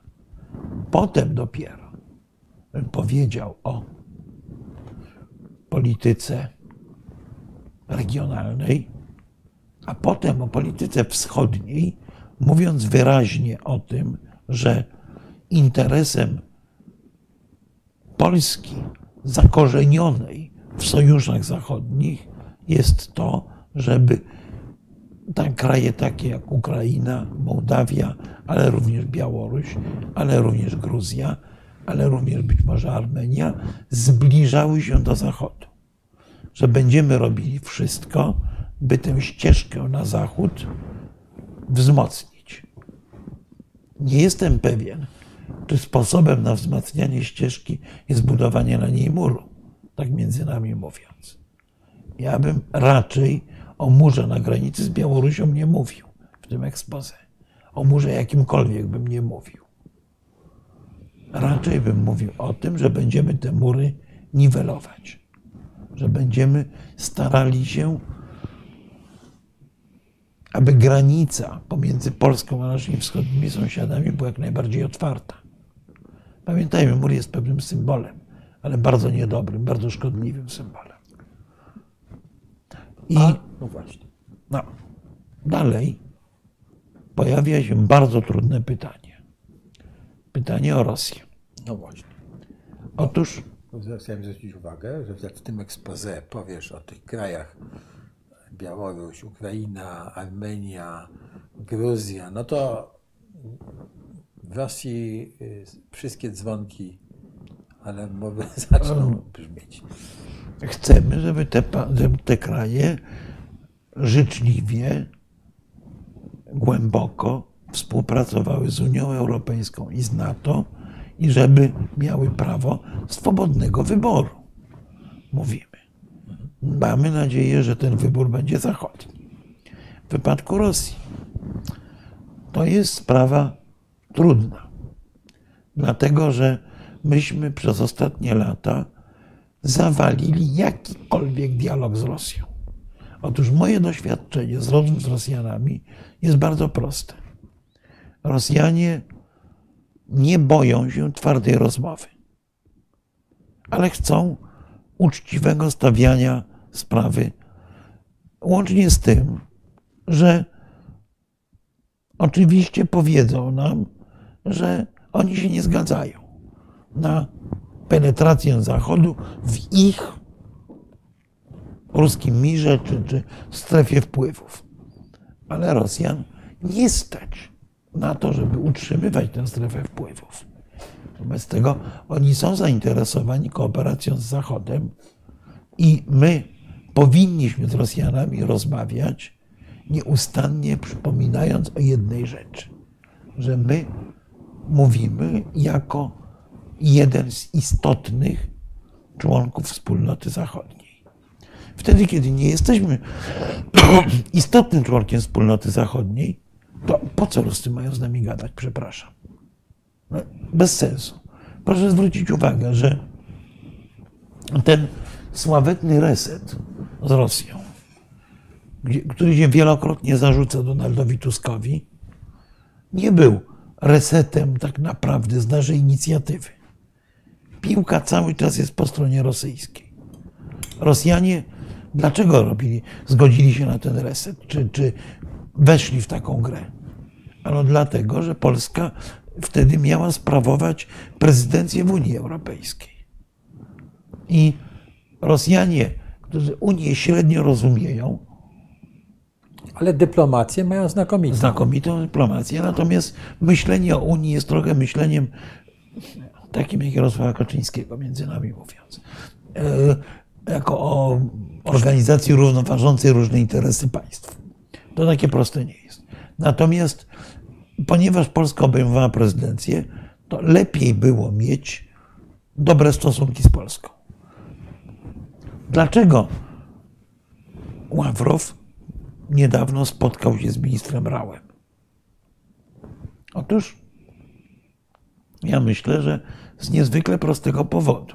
I bynajmniej nie dlatego, że został olśniony osobistym urokiem i intelektem ministra. A dlatego, że Polska od 1 stycznia obejmuje przewodnictwo w OBWE. OBWE, trochę zapomniana, jest dla Rosjan instytucją ważną. Instytucją ważną, dlatego że pod auspicjami OBWE jest, dzieje się proces pokojowy na Kaukazie Południowym i pod auspicjami OBWE tak naprawdę, w odwołaniu do OBWE, toczą się rozmowy na temat przyszłości Donbasu. Czyli jeżeli Polska, przewodnicząc organizacji, będzie robiła Rosjanom wbrew, to będą mieli kłopoty. A po co? Bez tego lekko ocieplamy. Ale rozmowy z Rosjanami nie mogą toczyć się w rytm ich potrzeb mm, związanych z bieżącą polityką międzynarodową. Możemy włączyć pewną agendę. Tylko to nie może być agenda znowu małego Jasia, który tupie nogami i mówi, że albo oddacie wrak smoleński, albo z wami nie gadamy. Że tak, tak się działo dłuższy czas. Owszem, sprawa braka jest skandalem. Powinni oddać. Ale na Boga nie możemy ograniczać polityki wobec ważnego kraju do wraku smoleńskiego. Mamy sporo pól rozmowy, rozmawiajmy. Nie ustępujmy. I nie, nie prowadźmy przede wszystkim polityki prorosyjskiej pod antyrosyjskimi hasłami. Takim przykładem jest na przykład zamknięcie e, ruchu, małego ruchu granicznego w okręgu kaliningradzkim. Jedną z pierwszych rzeczy, które by się w, tym, w tej rosyjskiej części expose pojawiły, byłaby zapowiedź bezwarunkowego, natychmiastowego, natychmiastowego przywrócenia małego ruchu granicznego z Kaliningradem. Następna rzecz, która się w takim expose powinna pojawić, e, to jest kwestia relacji z obszarami pozaeuropejskimi. My chcemy, mam nadzieję nadal, wejść w pewnym momencie do grypu grupy G20. Między nami mówiąc, ten szaleńczy postęp ekonomiczny, który rzekomo mamy, jesteśmy liderem świata, tak, nam próbuje wmawiać propaganda, sprawiła, że w zabiegach o G20 spadliśmy o dwa miejsca. Byliśmy już na 23, jesteśmy w tej chwili na 25. Bo rozwi- paradoksalnie procentowo w stosunku do innych krajów rozwijamy się w tej chwili wolniej. Co prawda lepiej na przykład od Włoch czy Francji przetrwaliśmy okres pandemii, ale postpandemiczny skok jest u nas o półtora raza wolniejszy niż we Francji. Więc nie mamy się tak za bardzo czym chwalić, bo przez pięć lat rządów PiSu nasz wzrost gospodarczy w stosunku do reszty Europy zwolnił, a nie przyspieszył yy, w porównaniu z, lat z latami poprzednimi.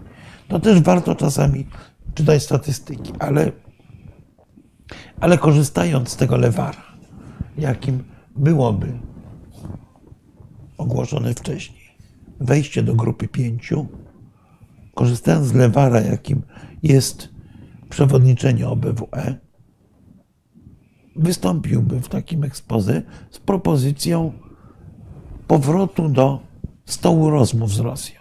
Bez żadnych obietnic, ale Rosję wymieniając później niż Ukrainę, Białoruś i Mołdowię. Mołdowę. Więc Rosja. Ale do stołu, rozumiem, w formacie. y, W formacie U- u- być Unia, może Rosja, czy- nie, nie, No, no, również, no w forma, również w formacie dwustronnym. Mhm. Ale w formacie dwustronnym Rosjanie będą z nami tylko rozmawiali wtedy, jeżeli my będziemy coś znaczyli w Unii. Inaczej nie po co? Po co Władimir Putin ma tracić czas na rozmowy z Polakami? Będzie rozmawiał wtedy, jak jest coś do załatwienia. Do załatwienia mogą być dwie rzeczy. Jedna, na którą się, mam nadzieję, nikt w Polsce nie zgodzi. Czyli model węgierski, czyli przymiarka do rozbioru Ukrainy. Mam nadzieję, że nikt się nie zgodzi. Pewności nie mam, ale nadzieję mam. Druga to znaczy opcja. co? Masz nadzieję, że nie, nie odbierzemy No mam, Lwowa? na, tak, mam nadzieję, że nie odbierzemy Lwowa, No oczywiście. nie, no chyba żartujesz. Nie, no nie żartuję. Znaczy mam nadzieję, że go nie odbierzemy, że, No nie, właśnie, będzie, że nie mówię, będziemy tak. chcieli go odbierać. No tak. Y, Oczywiście, że tak. A przepraszam. Możemy go oczywiście odebrać, żeby mieć na kolejne 200 lat śmiertelnego wroga w bezpośrednim sąsiedzie ukraińskim. W ogóle o tym nie mówmy, bo to tak mówimy, poruszamy się, No. o, to by było szaleństwo jednak. To jest szaleństwo, o którym bardzo poważnie Rosjanie myślą. Mam nadzieję, że w Polsce nie znajdzie się nikt, kto tak zacznie myśleć właśnie, jak Viktor Orban, że rewizja granic byłaby czymś fajnym. Dramat. Ale Rosjanom proponuję również rozmowę bilateralną, bo mamy ileś wspólnych interesów. Mamy te wspólne energetyczne gazociągi. Ja nie będę im mówił, w odróżnieniu od obecnego rządu, że ich gaz inaczej śmierci. Że bezwarunkowo nie chcemy od nich niczego. Bo to jest absurd. Absurd. Będę im mówił natomiast, że oczekujemy zdjęcia embarga, oczekujemy, że ich polityka wobec obszaru położonego między Polską a Rosją będzie polityką zakorzenioną w pewnym modelu prawa międzynarodowego. Nie będzie poza ten model wychodziła. Mówię im, że jesteśmy gotowi do rozmowy o współpracy w ramach OBWE, że jesteśmy gotowi do rozmowy o ruchu osobowym, o współpracy kulturalnej, o pogłębieniu współpracy ekonomicznej, że rozumiemy ich i odmienną wrażliwość historyczną. Natomiast nie będziemy naśladowali ich ustaw y, dotyczących y, penalizacji nieoficjalnej wizji historii i tak dalej. Ale cały czas muszę pamiętać o tym, że rozmawiając z Rosjanami, rozmawiam również w imieniu Europy i konsultuję się, może inaczej. Przed podróżą do Moskwy jadę do Brukseli i do Waszyngtonu, żeby porozmawiać. Jak, co oni o tym myślą? A Rosjanie będą z nami rozmawiać. Jeżeli my będziemy coś w Unii znaczyli. Jeżeli będziemy znaczącym członkiem NATO, również. Ale inaczej mówiąc, wcześniejsze punkty, region, NATO, Unia, Piątka, również piątka. piątka i również Ukraina i Białoruś, nasza tam rola i nasze znaczenie, będzie definiowało możliwość naszego dialogu z Rosją. I wreszcie tutaj padło pytanie ważne. Czy Polska ma wystarczające zasoby ludzkie do odbudowy służby dyplomatycznej? Tak, jeżeli wykonamy bardzo dużą pracę, bo obecnie służba dyplomatyczna została zniszczona. A służba dyplomatyczna została również zniszczona mentalnie, bo dyplomacja to jest także kreatywność. Pracownik ambasady, radca, pierwszy sekretarz, pracownik centrali tym bardziej, ma nie bać się przychodzić z najdzikszymi pomysłami do swoich szefów. Ma nie obawiać się, że za jedno słowo za dużo wyleci, za dużo wyleci z pracy.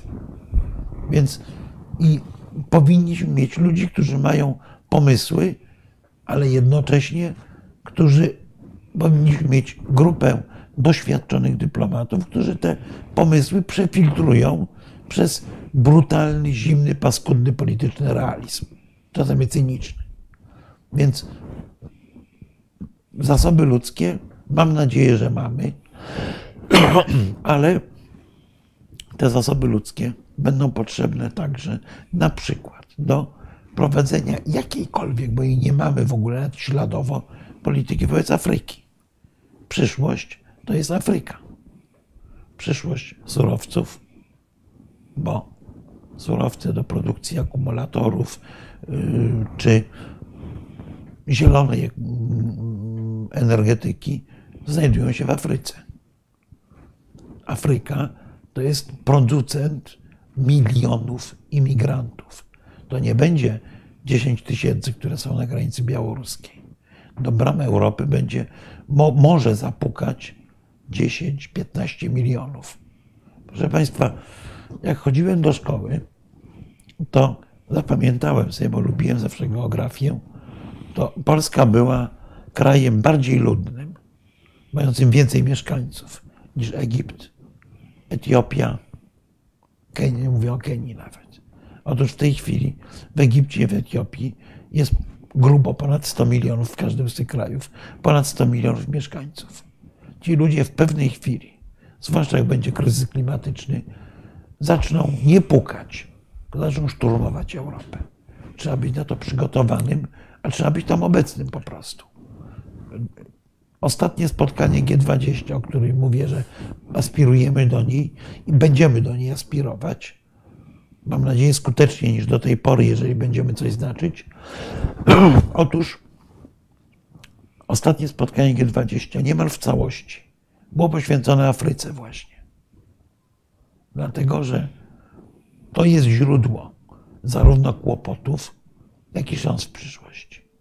Wreszcie sporo uwagi w takim ekspoze poświęciłbym Indiom. Oczywiście dość daleko na tej liście, ale my nie mamy praktycznie relacji z Indiami. Krajem, który jest, którego rozwój jest warunkiem powstrzymania ekspansji chińskiej. Wszyscy to wiedzą, ale byliśmy eksporterem broni do Indii.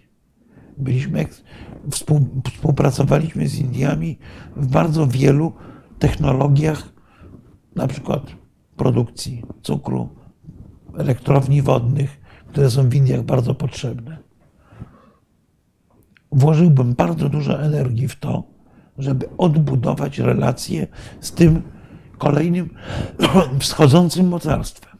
Oczywiście dla Indii nie jesteśmy równorzędnym partnerem, ale wracamy do punktów 1-3 expose, czyli Polska mająca wpływ na politykę Unii Europejskiej, Polska mająca wpływ na politykę NATO, a to się dla Indii ogromnie liczy, jest partnerem, z którym przynajmniej nie warto rozmawiać. I tutaj trzeba zainwestować bardzo dużo energii w to, żeby zbudować trwałą współpracę tego giganta, który będzie za trzy lata najludniejszym państwem na świecie, ze światem zachodnim. Bo ostatnie dwa punkty takiego expose zewnętrzne, bo będzie jeszcze organizacyjny. Ostatnie dwa punkty takiego expose były poświęcone przedostatnie Chinom, Chinom i Azji Południowej, tak, szeroko, Azji Wschodniej szeroko. Dlatego, że nie można zapominać o supermocarstwie chińskim, ale poświęcone Chinom jako partnerowi, który powinien przyjąć wspólne z Europą reguły gry. Jako partnerowi, który musi być partnerem obliczalnym i grającym tymi samymi figurami w szachy, a nie innymi. Czyli krótko mówiąc, chcemy wzajemnie korzystnej współpracy z Chińską Republiką Ludową.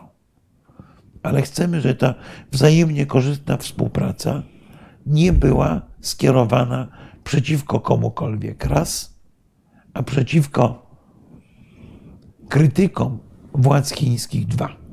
Czyli na przykład implementujemy to, co już się pojawiło w regulacjach Unii Europejskiej, czyli nie kupujemy towarów, gdy jest podejrzenie, że zostały wytworzone przy pomocy pracy niewolniczej albo pracy dzieci.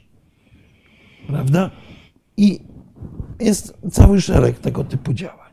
Czyli mówimy, że chcemy współpracować z Chinami, ale w ramach stworzonych przez, i to jest ostatni punkt, kolektywną wspólnotę Zachodu.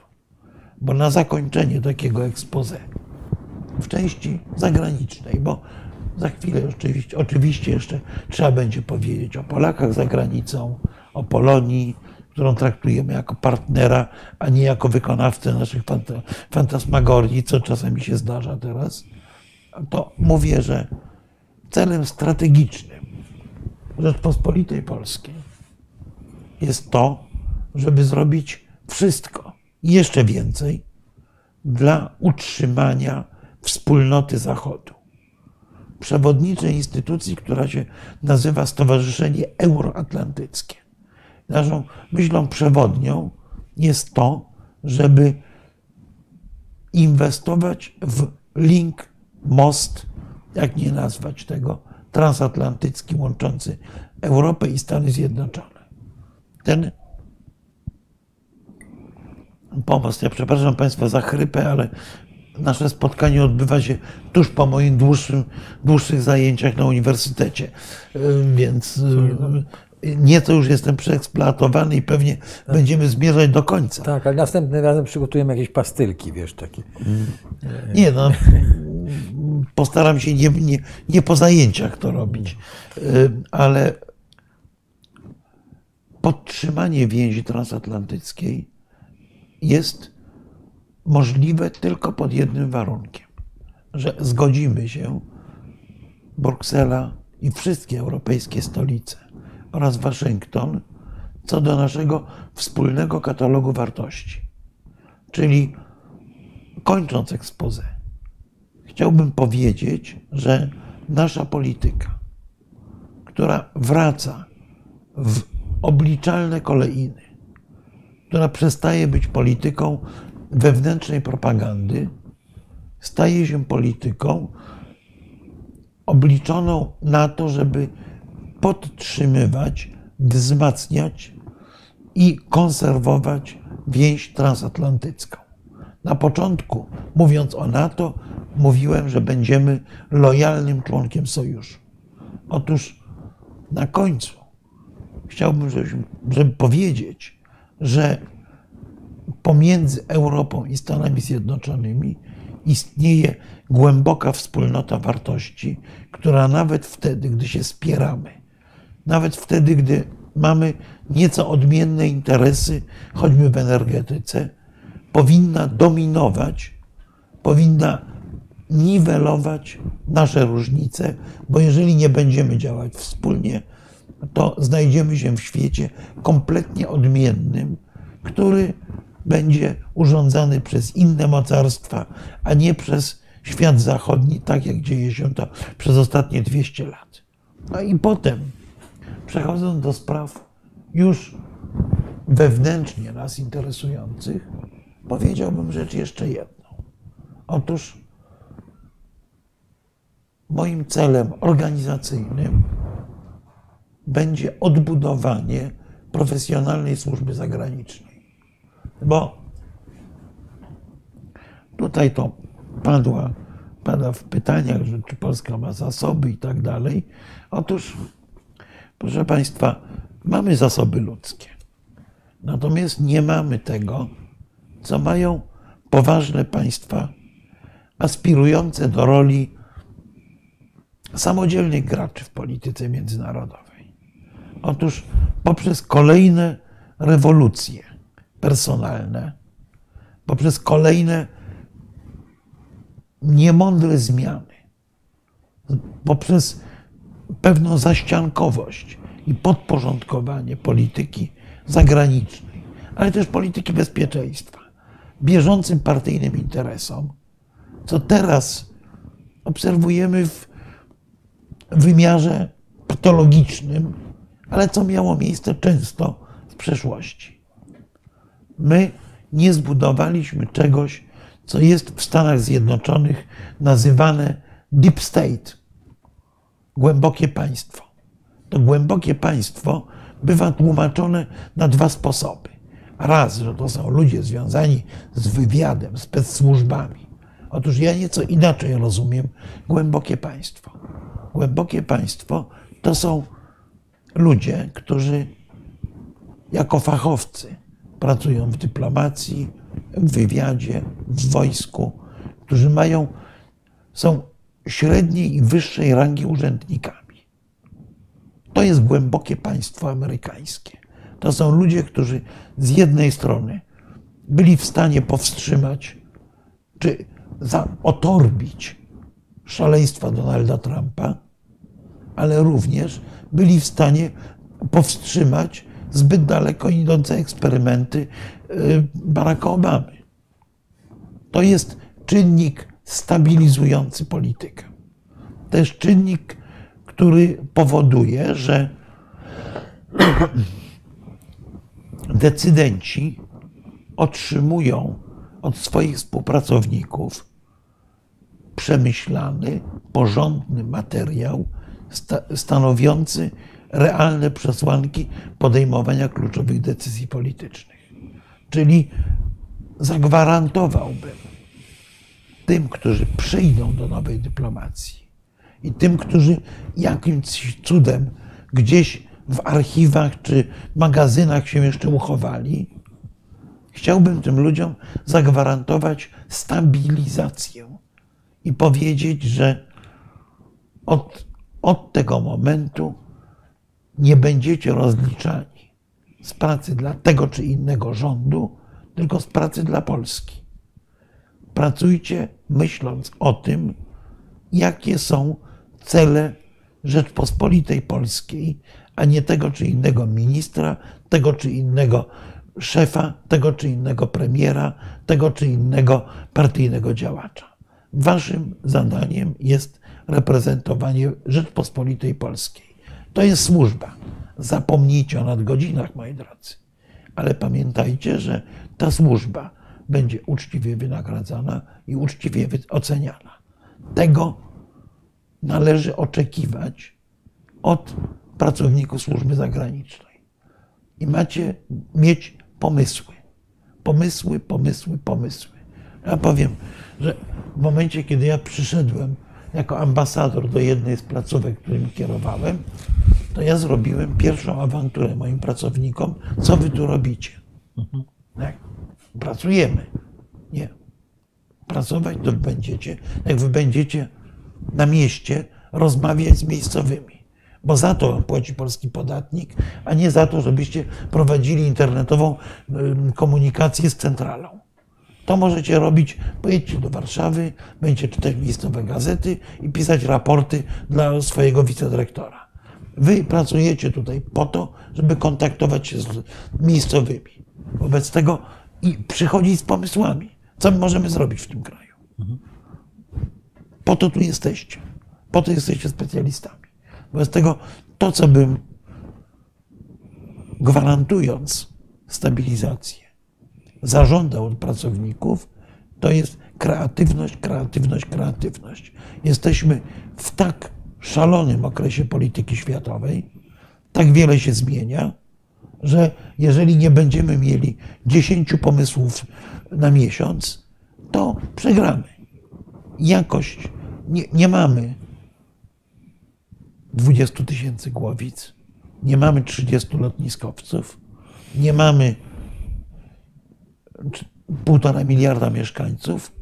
Wobec tego to, czym możemy wygrać, to są pomysły i poruszanie się jako porządny gracz, grający według reguł w Europie i mający do zaoferowania dobre kontakty, dobre pomysły i stabilny kraj położony w ważnym punkcie Europy. Słuchaj, bardzo Ci dziękuję, bo to było niezwykle ciekawe. Ja bym chciał e, dodać zasugerować Ci dziesiąty punkt. Tak, nawiązując tutaj do pani, która napisała, biorąc pod uwagę, że edukacja też leży i co Polacy sobą reprezentują, mianowicie, żeby w tym y, ostatnim punkcie dotycząc zasobów było powiedziane, zwrócę się do ministra edukacji i szkolnictwa wyższego, tak, żeby w programach on, szkolnych znalazły on, się... On biedaczysko będzie znalazły, sprzątał jeszcze gorsze Poczekaj, poczekaj, ale tak, on będzie jeszcze gorsze zgliszcza sprzątał, tak, ale żeby znalazły się jednak elementy tego, co byśmy nazywali budowaniem kultury strategicznej czy wiedzy w ogóle o świecie Polaków, tak, bo jeśli mówiliśmy o tym Kowalskim na początku, który ma e, być ambasadorem w, w ramach tej dyplomacji społecznej czy publicznej, jak ją nazwiemy, no to każdy młody Polak w, w Polsce no, musi coś o tym świecie wiedzieć, bo inaczej się wygłupi. No, to jest, no, to tak, jest oczywiste. Ja, ja bym to, jeszcze to jest do... oczywiste, że znaczy, ja bym nie tworzył Akademii Dyplomatycznej nie, w Polsce, nie. tylko rzeczywiście bym postawił na zdecydowaną poprawę edukacji. Edukacji w zakresie wiedzy o świecie, wiedzy o mechanizmach tym światem rządzących. Rzeczywiście tak, ale tutaj czy znajdziemy ludzi? W 40-milionowym państwie znajdą się, znajdą się, znajdzie się 2000 ludzi, jeżeli im się zaoferuje odpowiednie warunki i odpowiednią odpowiednie zarządzanie, które tak. nie będzie z nich robiło ani... Ciekawą pracę jednym tak. dla, dla swojego kraju. Tak, znaczy to musi być służba, ale służba, która tak. jest po prostu tak fascynująca, że nie można sobie wyobrazić nic ciekawszego. No ja, ja obserwowałem wyławianie tych zdolnych ludzi, jak to robią w Departamencie Stanu i jak się wyławia i nawet rozmawiałem z nimi. No to oni mają tam szereg e, najpierw staży, e, Oczywiście think tanki, te zajmujące się polityką zagraniczną, są ważnym miejscem zdobywania tych, a potem się ich wyławia na podstawie różnego rodzaju egzaminów, e, zdolności do no bardzo to było ciekawe, bo na przykład dawano im tekst do przeczytania, po czym zabierano ten tekst i mówię, teraz sporządź notatkę tak, półstonicową z tego, co tam było. No jeden z to było z tych elementów. Czego, co, co polski uczeń będzie miał kłopoty. Znaczy w ogóle no bo, polski uczeń nie dobra, jest ale, komunikacji, no, no to, jest tak, to jest inna o, sprawa. Tak, no więc dobrze, ale dlatego bym dodał. Słuchaj, spójrzmy jeszcze na te pytania czy wszyscy żeśmy, na te wszystkie żeśmy, wszystkie były Chyba. Tak. tak. No, no co Polacy tutaj... sobą reprezentują? No, co e, jesteśmy w stanie zrobić dla ludzi, którzy... Znaczy Polacy są normalnym tak, narodem. Jesteśmy, no, tak. My jesteśmy po prostu normalni. Tak. Mamy, więc ani, ani nie jesteśmy cudownym Chrystusem narodów, ani nie jesteśmy Tak, i- zbiorowiskiem Tempoli. Natomiast Strategie, co inni o nas myślą, to co sami sprzedajemy Oczywiście. o sobie i co sprzedają nasze Oczywiście. władze. Tak. Więc A nasze... co a jesteśmy nasze... w stanie dla ludzi zrobić dla ludzi, którzy nas gnoją? No, nie wiem, kto nas, o, o kogo chodzi, kto nas gnoi, ale mówię, jesteśmy, jesteśmy normalni. Jesteśmy Tak. normalni, a tę normalność należy ubrać w pewne mechanizmy. Również biorące pod uwagę polskie, polską specyfikę, czyli na przykład pewną anarchiczność, czy, czy, czy w, w każdym razie umiłowanie do działania niestandardowego, mówiąc y, dyplomatycznie. Czyli na przykład ty mówisz o egzaminach w Departamencie Stanu, a ja uważam, że w polskich warunkach tak naprawdę najbardziej sprawdza się wersja egzaminu ustnego. Rozmowy tutora z y, potencjalnym współpracownikiem, ponieważ dowiadujemy się o nich rzeczy, które, o nim rzeczy, które nie wyjdą z, y, Oczywiście. z takiego klasycznego testu, który Amerykanie robią. A w Ameryce to trochę inaczej wygląda. Tak, ale to ja tylko po- powiedziałem jako ciekawostkę. I teraz, bo tu jest takie padło ludzi, którzy nas gnoją. No Ja właśnie nie kto nas gnoi. Nie, czy nas ale- gnoi za granicą, czy nas Nie. gnoi rząd. Tak, ale, nie, ale nawet nie o to chodzi. Jak my, ja, my, my chyba tutaj, jak obaj siedzimy, to nie bardzo chcemy się zgodzić y, z takim poczuciem, że ktoś nas gnoi. No, Ktoś tam sobie coś mówi, prawda, a, a my po prostu mamy silne poczucie tego, co chcemy osiągnąć, jaki ten kraj ma być i nikt nas w tej materii nie jest w stanie zgnoić, za przeproszeniem. No to No nie, tak, poza tym, ma- ja mam takie poza tym bardzo, często, no. bardzo często to, to, co jest nazywane w propagandzie gnojeniem, prześladowanym, y, tutaj pan mówi, że Polska nie jest normalnym krajem. Jest. Jest. Y, Panie Filipie, proponuję pomieszkać trochę w innych państwach. W każdym usłyszy pan to samo, że ten kraj nie jest normalny, mówiąc o sobie. Więc y, mamy mnóstwo słabości, mamy fatalną strukturę polityczną, natomiast jesteśmy mniej więcej normalni. Tak, A Polacy- tą normalność trzeba skonsumować. A wra- wracając do tej, wracając do tej poprzedniej myśli, y, ja sądzę, że y, to no po prostu, jeżeli ktoś grając w szachy wyjmuje nagle pionki od Chińczyka i próbuje rzucać kostką, to nie może, to, to, to nie może mieć pretensji, że, e, że ktoś im mówi, stary, no zaraz, co ty grasz? No, a trochę się znajdujemy w takiej sytuacji. Mamy pretensje, że ktoś nas atakuje, krytykuje, wtedy, kiedy my sami właśnie zaczynamy nagle przy szachach kostką rzucać. No, no, tak się nie da. No, Ma- Marku, chyba To trzeba... jeszcze pada pytanie o szansę na Białoruś, ale tak, jest szansa, żeby Białoruś nie stała się rosyjskim obwodem. To już mówiliśmy o tym wcześniej, może będzie okazja jeszcze rozmawiać później. No, w polityce, to jest zresztą lekcja na teraz też, w polityce liczy się wykorzystywanie takich okienek czasowych. Ewidentnie Białoruś była blisko wykorzystania tego okna w zeszłym roku, nie wykorzystała go.